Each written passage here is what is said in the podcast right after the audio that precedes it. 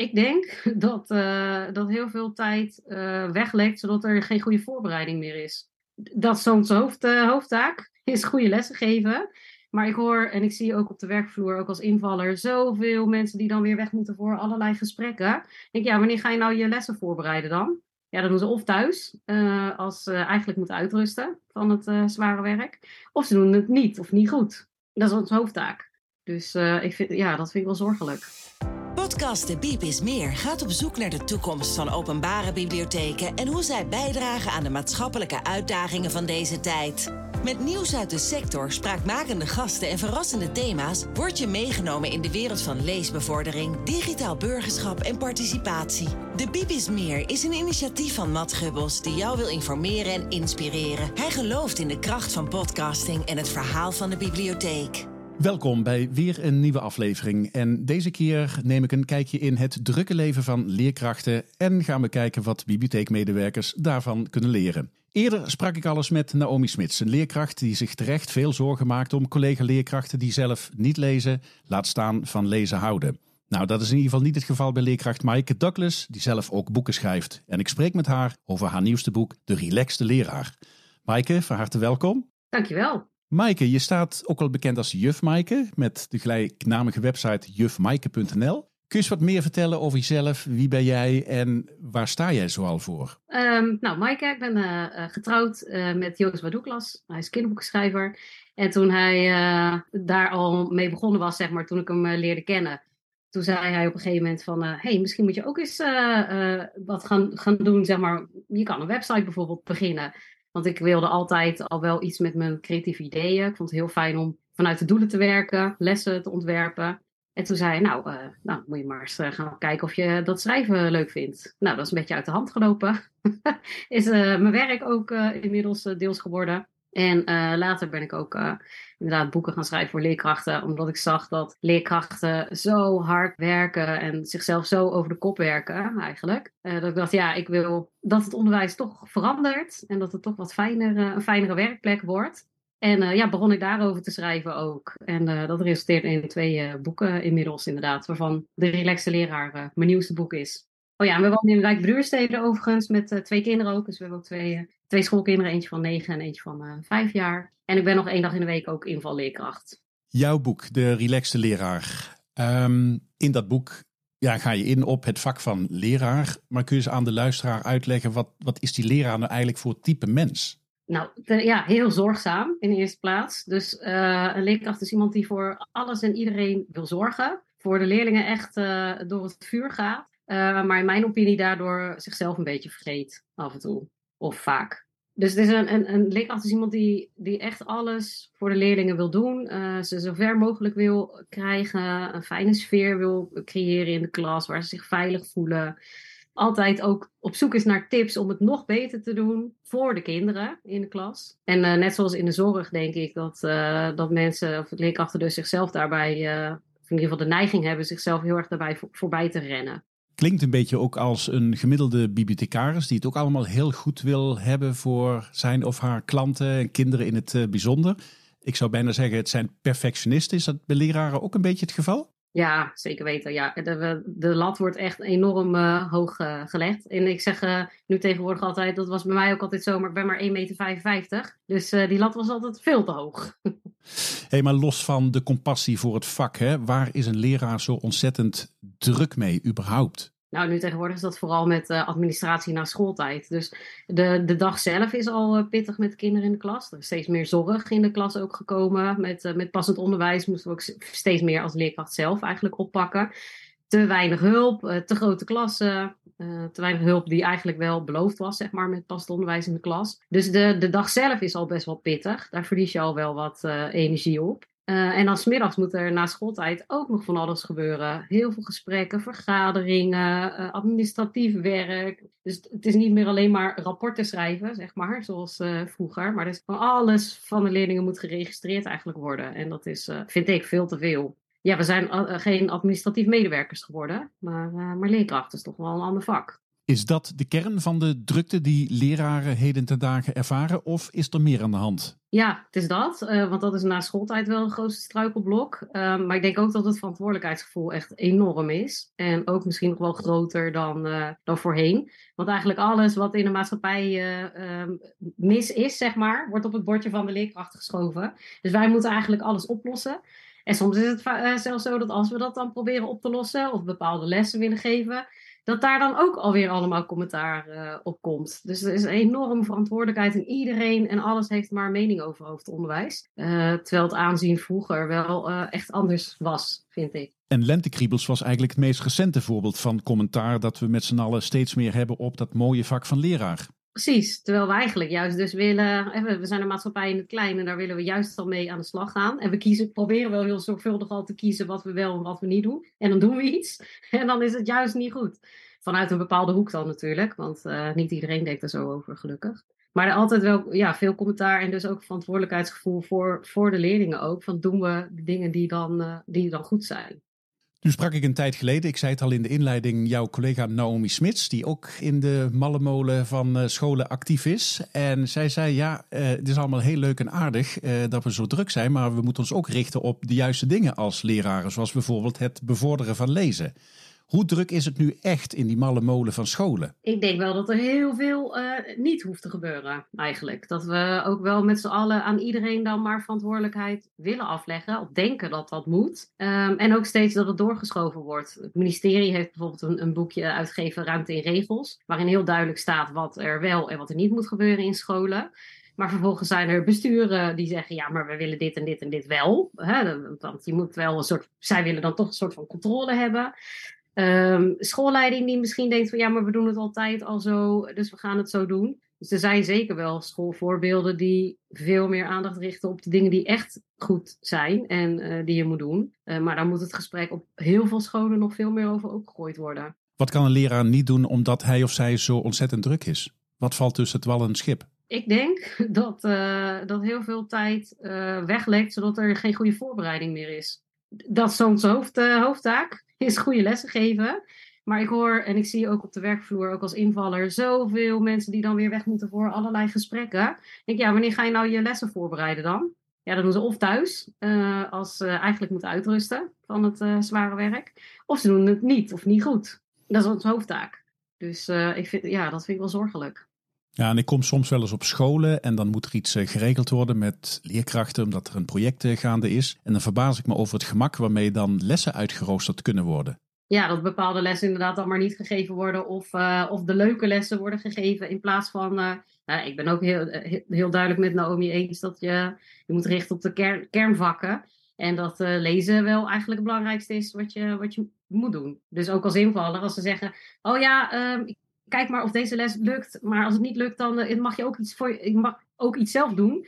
Dan kies ik eigenlijk altijd voor leesbevordering. In hoeverre zou je kunnen zeggen dat door die drukte op scholen uh, en de drukte van hè, de leerkrachten als, als, als mensen, ja, leerlingen eigenlijk een beetje het kind van de rekening zijn uh, geworden? Ja, ik denk het wel. We zijn ook heel erg druk bezig met uh, alle leerlingen op hun eigen niveau begeleiden, zeg maar. Zoveel mogelijk proberen. Ja, dat klinkt allemaal heel mooi en dat klinkt heel ja, klinkt heel prachtig dat we dat allemaal voor onze leerlingen over hebben. Maar het werkt niet. Je kan niet in de klas van 30, 30 verschillende aanpakken hebben. Dat gaat niet. Dus ga je eerst maar zorgen dat ze allemaal goed kunnen lezen. En dan uh, kan je weer verder kijken, zeg maar. Ja, de, de klassen zijn wat mij betreft ook echt te groot met de zorg die er dan in zit. Daar zijn we echt veel te veel tijd mee, uh, mee kwijt. Terwijl we eigenlijk gewoon goede les moeten geven. Punt. Nu proberen leesconsulenten van openbare bibliotheken natuurlijk ook hè, om leesbevordering op scholen een handje verder te helpen. Wat komen leesconsulenten zoal tegen op scholen als ze het project proberen te draaien? Nou ja, ja wat ik wel zie, ook bij mijn man, als die inderdaad op scholen komt als, uh, als schrijver, maar ook leesconsulenten, is hij dat de helft van de scholen daar heel veel aandacht aan besteedt en daar echt tijd en ruimte voor vrijmaakt. En de andere helft uh, die denken, oh ja, dat komt erbij, uh, maar we hebben er eigenlijk geen tijd voor, dus laat maar zitten. Of de leesconsulent moet maar al het werk doen en moet maar zorgen voor een goede bo boekenkast en dan zijn we er wel, zeg maar. Dus daar verschillen scholen gewoon heel erg in, zie ik.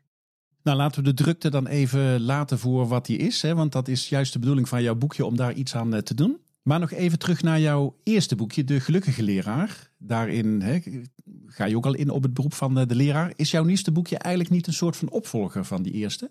Ja, dat zou je kunnen zeggen. Maar ik kan ook wel zeggen dat ze, dat ze ook wel weer. Ja, ze hebben natuurlijk raakvlakken, maar dat ze ook wel weer naast elkaar kunnen bestaan. Dus dat het niet zoveel uitmaakt welke je als eerste uh, leest. Mijn eerste boek, De Gelukkige Leraar, gaat echt over voor jezelf opkomen en zaken goed regelen. Kijken wat uh, jouw doelgroep ook nodig heeft. Dus inderdaad, bijvoorbeeld op het gebied van lezen. Wat, wat kan je wel, waar, staan de leerlingen, waar kun je ze verder gaan, uh, gaan helpen? En daar heel erg op richten en daar ook het gesprek op school op, uh, op openen. Wat, wat heeft onze doelgroep nodig? Welke lessen he, uh, moeten wij nu eigenlijk geven? Met welke doelen? En um, de relaxte leraar is meer zelfzorg voor de leerkracht in het algemeen. Dus um, je moet als eerste voor jezelf goed kunnen zorgen en zelf er staan, zeg maar. Want jij hebt die 100% energie nodig voor in de klas. Pas als je dat hebt, kan je dat ook aan de leerlingen geven. Dus je kan ze ook alweer naast elkaar uh, zetten, zeg maar. Want dat is toch echt één van de kernen van jouw boek. Eerst voor jezelf zorgen voordat je er überhaupt voor je leerlingen kunt zijn. Ja, zeker. En het is heel vaak, uh, 9 van de 10 keer is het andersom. Dus eerst voor de leerlingen zorgen en dan uh, pas voor jezelf. En dan zie je dat leerkrachten ziek worden in de vakantie, ik noem maar iets. Of uh, nou ja, langdurig uitval. Uh, die cijfers uh, noem ik ook nog steeds. De laatste cijfers die bekend zijn, uh, is 25% wat een burn-out heeft of met burn-out klachten rondloopt. En dat is niet van ziekteverzuim, nee, dat is van alle docenten. Dus 25% van alle docenten heeft burn-out klachten of burn-out klachten gehad. Nou, dat vind ik echt veel te hoog. Ja, hoe heeft het zover kunnen komen? Ja, nou, deels door dat verantwoordelijkheidsgevoel. We hebben het denk ik ook wel zelf gedaan ook wel het idee met we moeten dit altijd allemaal maar doen. Dit kunnen wij. Dat was ook een beetje dat, dat, dat verhaal van mij. Dat, dat, zit ook in het hele boek. Ook met het idee van, nou ja, toen ik net startte, dacht ik dat ik het allemaal maar moest kunnen. En uh, trok ik dus ook alles naar me toe. Want oh, als iemand zou zien dat ik het niet kan, dan, dan faal ik. Dan ben ik een verschrikkelijke leerkracht. Ik denk dat dat idee best wel uh, hardnekkig uh, zit ingebakken uh, bij leerkrachten, waardoor je gewoon veel te ver gaat en uh, veel te veel van jezelf gaat eisen. Um, en inderdaad, eh, do, doe je ook de dingen die voor jou dan goed zijn en kies je ook, zit je op de goede plek ook. Hoe is je team? Daar gaat ook een heel deel van het boek over.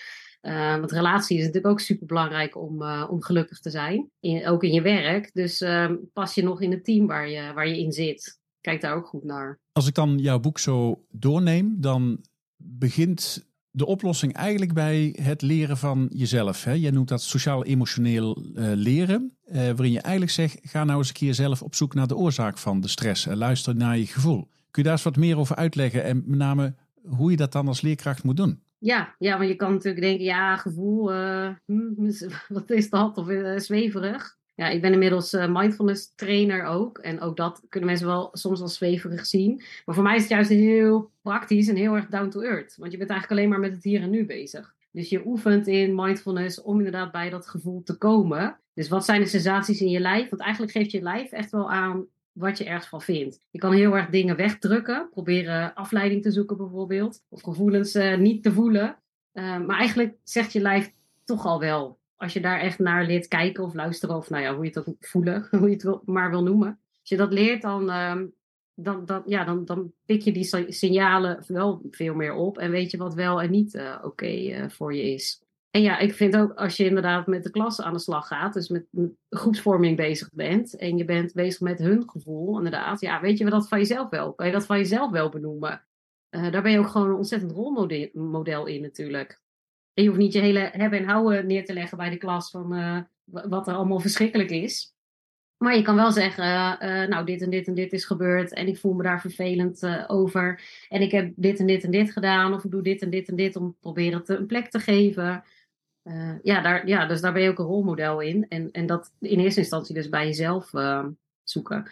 En van daaruit kan je ook veel beter kiezen wat dus wel bij je past en wat wel prettig voor je is. En hoe pakken leerlingen dat dan op als een leerkracht op die manier met een klas omgaat? Dat vind ik wel spannend. Ja, maar die zijn zo zorgzaam dan.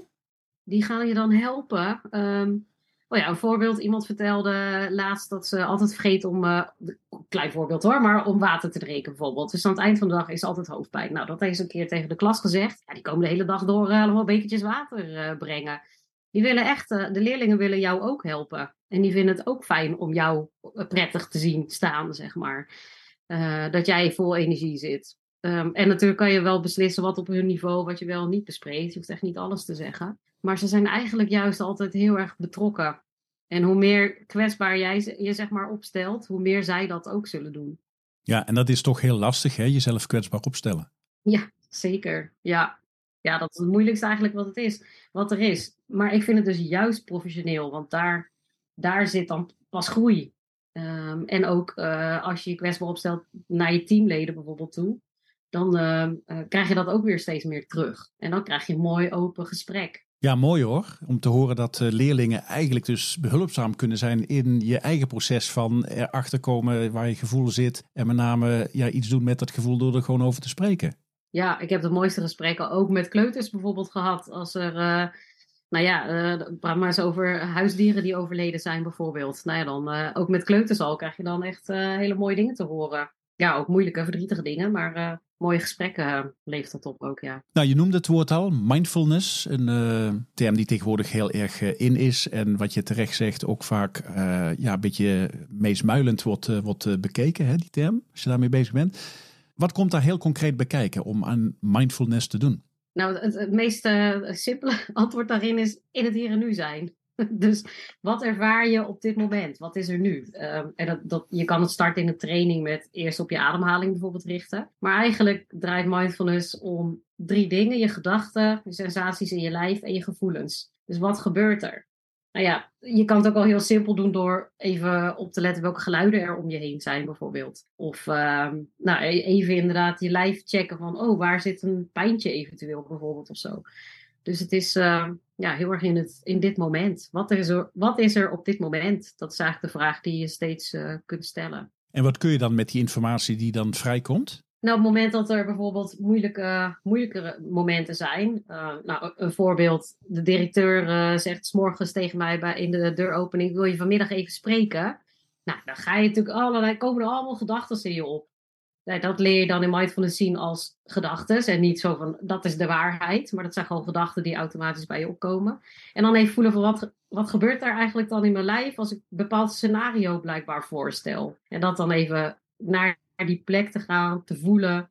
Oké, wat zit er nu in mijn lijf? En daar meestal, mindfulness heeft geen doel. Maar meestal is het resultaat dat je daardoor um, ook weer wat rustiger wordt. En wat beter ook met die gevoelens dan weer kan omgaan. En ja, eigenlijk dat je het een soort van verwerkt. Je hebt het ook over compassie, over hart voor het vak in de positieve zin van het woord. Hoe werkt dat in het beter worden als leerkracht en het temmen van je innerlijke ik? Soms kan je denken dat je als je eh, heel veel compassie hebt voor jezelf of zelfliefde, nou ja, ook zo'n zo'n groot woord zeg maar. Je denkt, oh ja, maar dan ben ik alleen maar met mezelf bezig juist of zo. Maar mijn ervaring en ook uit onderzoek is dat gebleken, dat hoe, meer zelfliefde je hebt, dus hoe, hoe meer je ja, van jezelf houdt of jezelf prettig vindt of dat, dat fijn gevoel bij jezelf kan hebben, zeg maar, hoe meer je dat ook juist weer een andere kan geven. Uh, dus als dat bij jezelf eigenlijk helemaal op slot zit, dan heb je ook maar heel weinig liefde of aardigheid of genegenheid om aan anderen te geven. Dus je bent ook veel empathischer. En uh, ik zie compassie ook als, uh, ook bij moeilijke zaken, dingen die, die moeilijk zijn bij jezelf bijvoorbeeld. Um, als je dat, als je wat meer compassie voor jezelf hebt, dan kan je ook denken, oh ja, maar ik ben ook niet de enige. En eigenlijk heeft iedereen wel dingen die naar zijn. En kan je daar ook weer tegelijkertijd ook empathie naar anderen toe uh, hebben. Dus ik denk wel dat als er leerlingen zijn ook met die, die moeilijke dingen meemaken, dat je daar veel empathischer naar kan kijken. Als je dat ook bij jezelf uh, kan.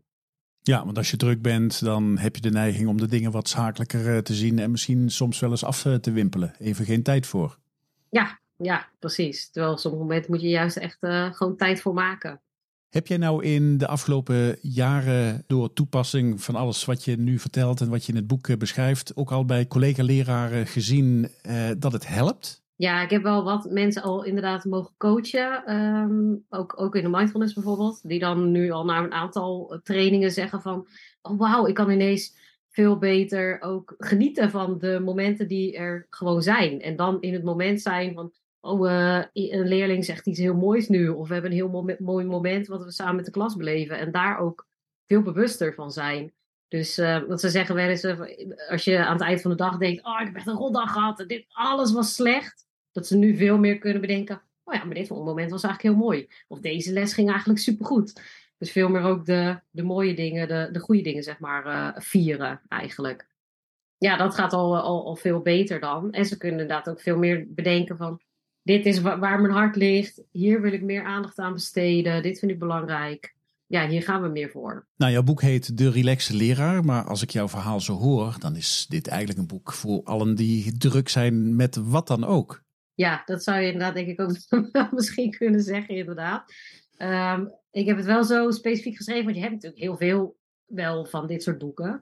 Ehm, maar ik merk dat leerkrachten dat niet zo koppelen aan hun werk, zeg maar. Dus dat is iets wat je persoonlijk doet voor jezelf, maar niet voor je vak. En die koppeling heb ik geprobeerd te maken met hoe meer je inderdaad ook goed voor jezelf kan zorgen, hoe meer je ook als een goede professional ook echt daar staat. Uh, en dat is denk ik net een, een, een, een slag die ik zeg maar erbij heb uh, gemaakt. Ja, mooi. Hey, en een leesconsulent van een bibliotheek, die komt natuurlijk heel vaak bij uh, school op bezoek in het kader van de bibliotheek op school. Wat zou een leesconsulent nou met jouw boekje kunnen doen? Nou, ten eerste uh, laten zien aan de leerkracht van... hey, hier heb je dit boek. En dan, als je dit doet, dan heb je ook meer tijd om uh, te richten op, uh, op lezen bijvoorbeeld. Ja, en, en zelf ook. Ik, ik kan me zo voorstellen dat leesconsulenten ook enorm druk zijn... en heel veel taken tegelijkertijd ook vooral doen. In mijn eerste boek staat trouwens ook nog heel veel over plannen. Dus hoe je al die verschillende taken dan goed, goed kunt regelen. Dus dat zou misschien ook nog een tip kunnen zijn. Maar met deze ook, um, ook voor leesconsulenten, vooral kijken naar wa waar, waar je hart ligt. Dus wat vind je echt heel mooi en belangrijk om te doen? En waar denk je ook echt dat je ook een deel van het onderwijs misschien mee kunt veranderen? Dus dat, daar, in, met, met die insteek zou je het boek ook kunnen lezen. Ja, en ik kan me ook voorstellen dat na lezing van het boek en zeker het horen van het verhaal hier met jou sprekend, dat je daardoor ook wat meer begrip krijgt voor het vak van leerkracht en wat voor ellende het soms kan zijn om als leerkracht op een school bezig te zijn. Ja, zeker. Er zitten ook wel heel veel uh, nou ja, pittige voorbeelden in van dingen die ik uh, mee heb gemaakt in de klas. En, uh, en hoe ik daar ben, mee om ben gegaan en hoe ik het nu wel misschien alweer heel anders zou doen dan eh, tien jaar geleden, zeg maar. Dus ik denk dat het voor heel veel wel een eye-opener kan zijn van hoe pittig het inderdaad kan zijn ook, ja. Zijn er nog zaken uit het boek waar ik niet naar gevraagd heb, maar waarvan je wel zegt, nou dat wil ik toch nog even over de bühne brengen voor de luisteraars? Ja, misschien dat, we, dat er wel ook heel veel wetenschappelijke kennis in staat. Want het is dus eigenlijk, ik zeg maar, het is zelfzorg voor leerkrachten in het algemeen. En zeker ook leesconsulenten zouden het kunnen lezen. Maar het is niet, uh, ik zeg zo, niet zomaar zeg maar iets. Ik heb ook wel echt heel veel wetenschappelijke literatuur gebruikt om uh, aan te geven dat het ook echt werkt in uh, je professionaliteit. En dat je ook uh, niet alleen als mens beter wordt, maar ook een betere werknemer. En een betere leerkracht uiteindelijk, uh, inderdaad. Hoe komt dit boekje binnen bij schooldirecteuren? Want die hebben toch mede ook een verantwoordelijkheid voor het welzijn van hun leerkrachten, hun belangrijkste goed naast de leerlingen. Ja, dat is een goede vraag. Daar heb ik nog niet zo heel veel uh, uh, van gehoord. Ik, ik denk dat directeuren het heel veel gaan uitdelen als cadeautje bijvoorbeeld. Maar ik hoop ook heel erg dat ze het zelf gaan lezen. Ik zag wel de, de laatste tijd dat ik steeds meer um, op LinkedIn aanvragen kreeg uh, van directeuren. Dus uh, om, om koppeling te maken. Ehm, dus ik hoop ook heel erg wel dat ze het zelf gaan lezen. En, en ook daarmee lezen wat een, een leerkracht ook nodig heeft. Want die is dus niet alleen. Het hele team heeft die erbij nodig. En zeker ook een sterke en goede schoolleider. Die, die het ook ziet als het even niet zo lekker gaat. En, en daar hulp op inschakelt. Of zelf of uh, door iemand anders. Dat je het echt als leerkracht, als team doet en als school en niet alleen. Ja, en dan vooral niet als een cadeautje uitdelen, want dat vind ik eigenlijk een minachting van het vak leraar, als ik heel eerlijk ben. ja, en met z'n allen het boek gewoon lezen, dat zou het mooiste zijn, ja. Maaike, dankjewel. Um, ik vond het verheffend om dit uh, te horen, al is het maar om begrip te kweken voor uh, het vak van leraren. Want nogmaals, ja, ik heb diep respect voor wat jullie allemaal doen. Ik heb zelf twee pubers en ik vind ja, al heel fijn dat ik die overleefd heb. Maar om iedere dag met heel veel andermans pubers voor de klas te staan, ik vind dat, ik vind dat nogal behoorlijk pittig hoor. Ja, nou dankjewel. Ja, maar het is ook een mooi vak, gelukkig. Nee, natuurlijk, natuurlijk. En dat moet ook blijven bestaan. En jij hebt weer een steentje bijgedragen om uh, het vak weer wat uh, aantrekkelijker uh, te krijgen. Waar is het boek te koop, behalve bij bol.com? Ja, de uitgever is uitgeverij Pika. Die verstuurt het ook heel snel. Dus die, daar is het eigenlijk het makkelijkst te bestellen. Nou, top. Nou, allemaal rennen dus, allemaal bestellen. En ja, hopelijk een relaxe leraar voor in de toekomst. Dankjewel. Bedankt voor het luisteren naar deze aflevering van De Biep is Meer. Heb je zelf een mooi verhaal om te vertellen? Neem dan contact op via info.onderzoekmeteffect.nl De Bibis Meer is een initiatief van Matt Gubbels. Hij gelooft in de kracht van podcasting en het verhaal van de bibliotheek. Graag tot een volgende keer.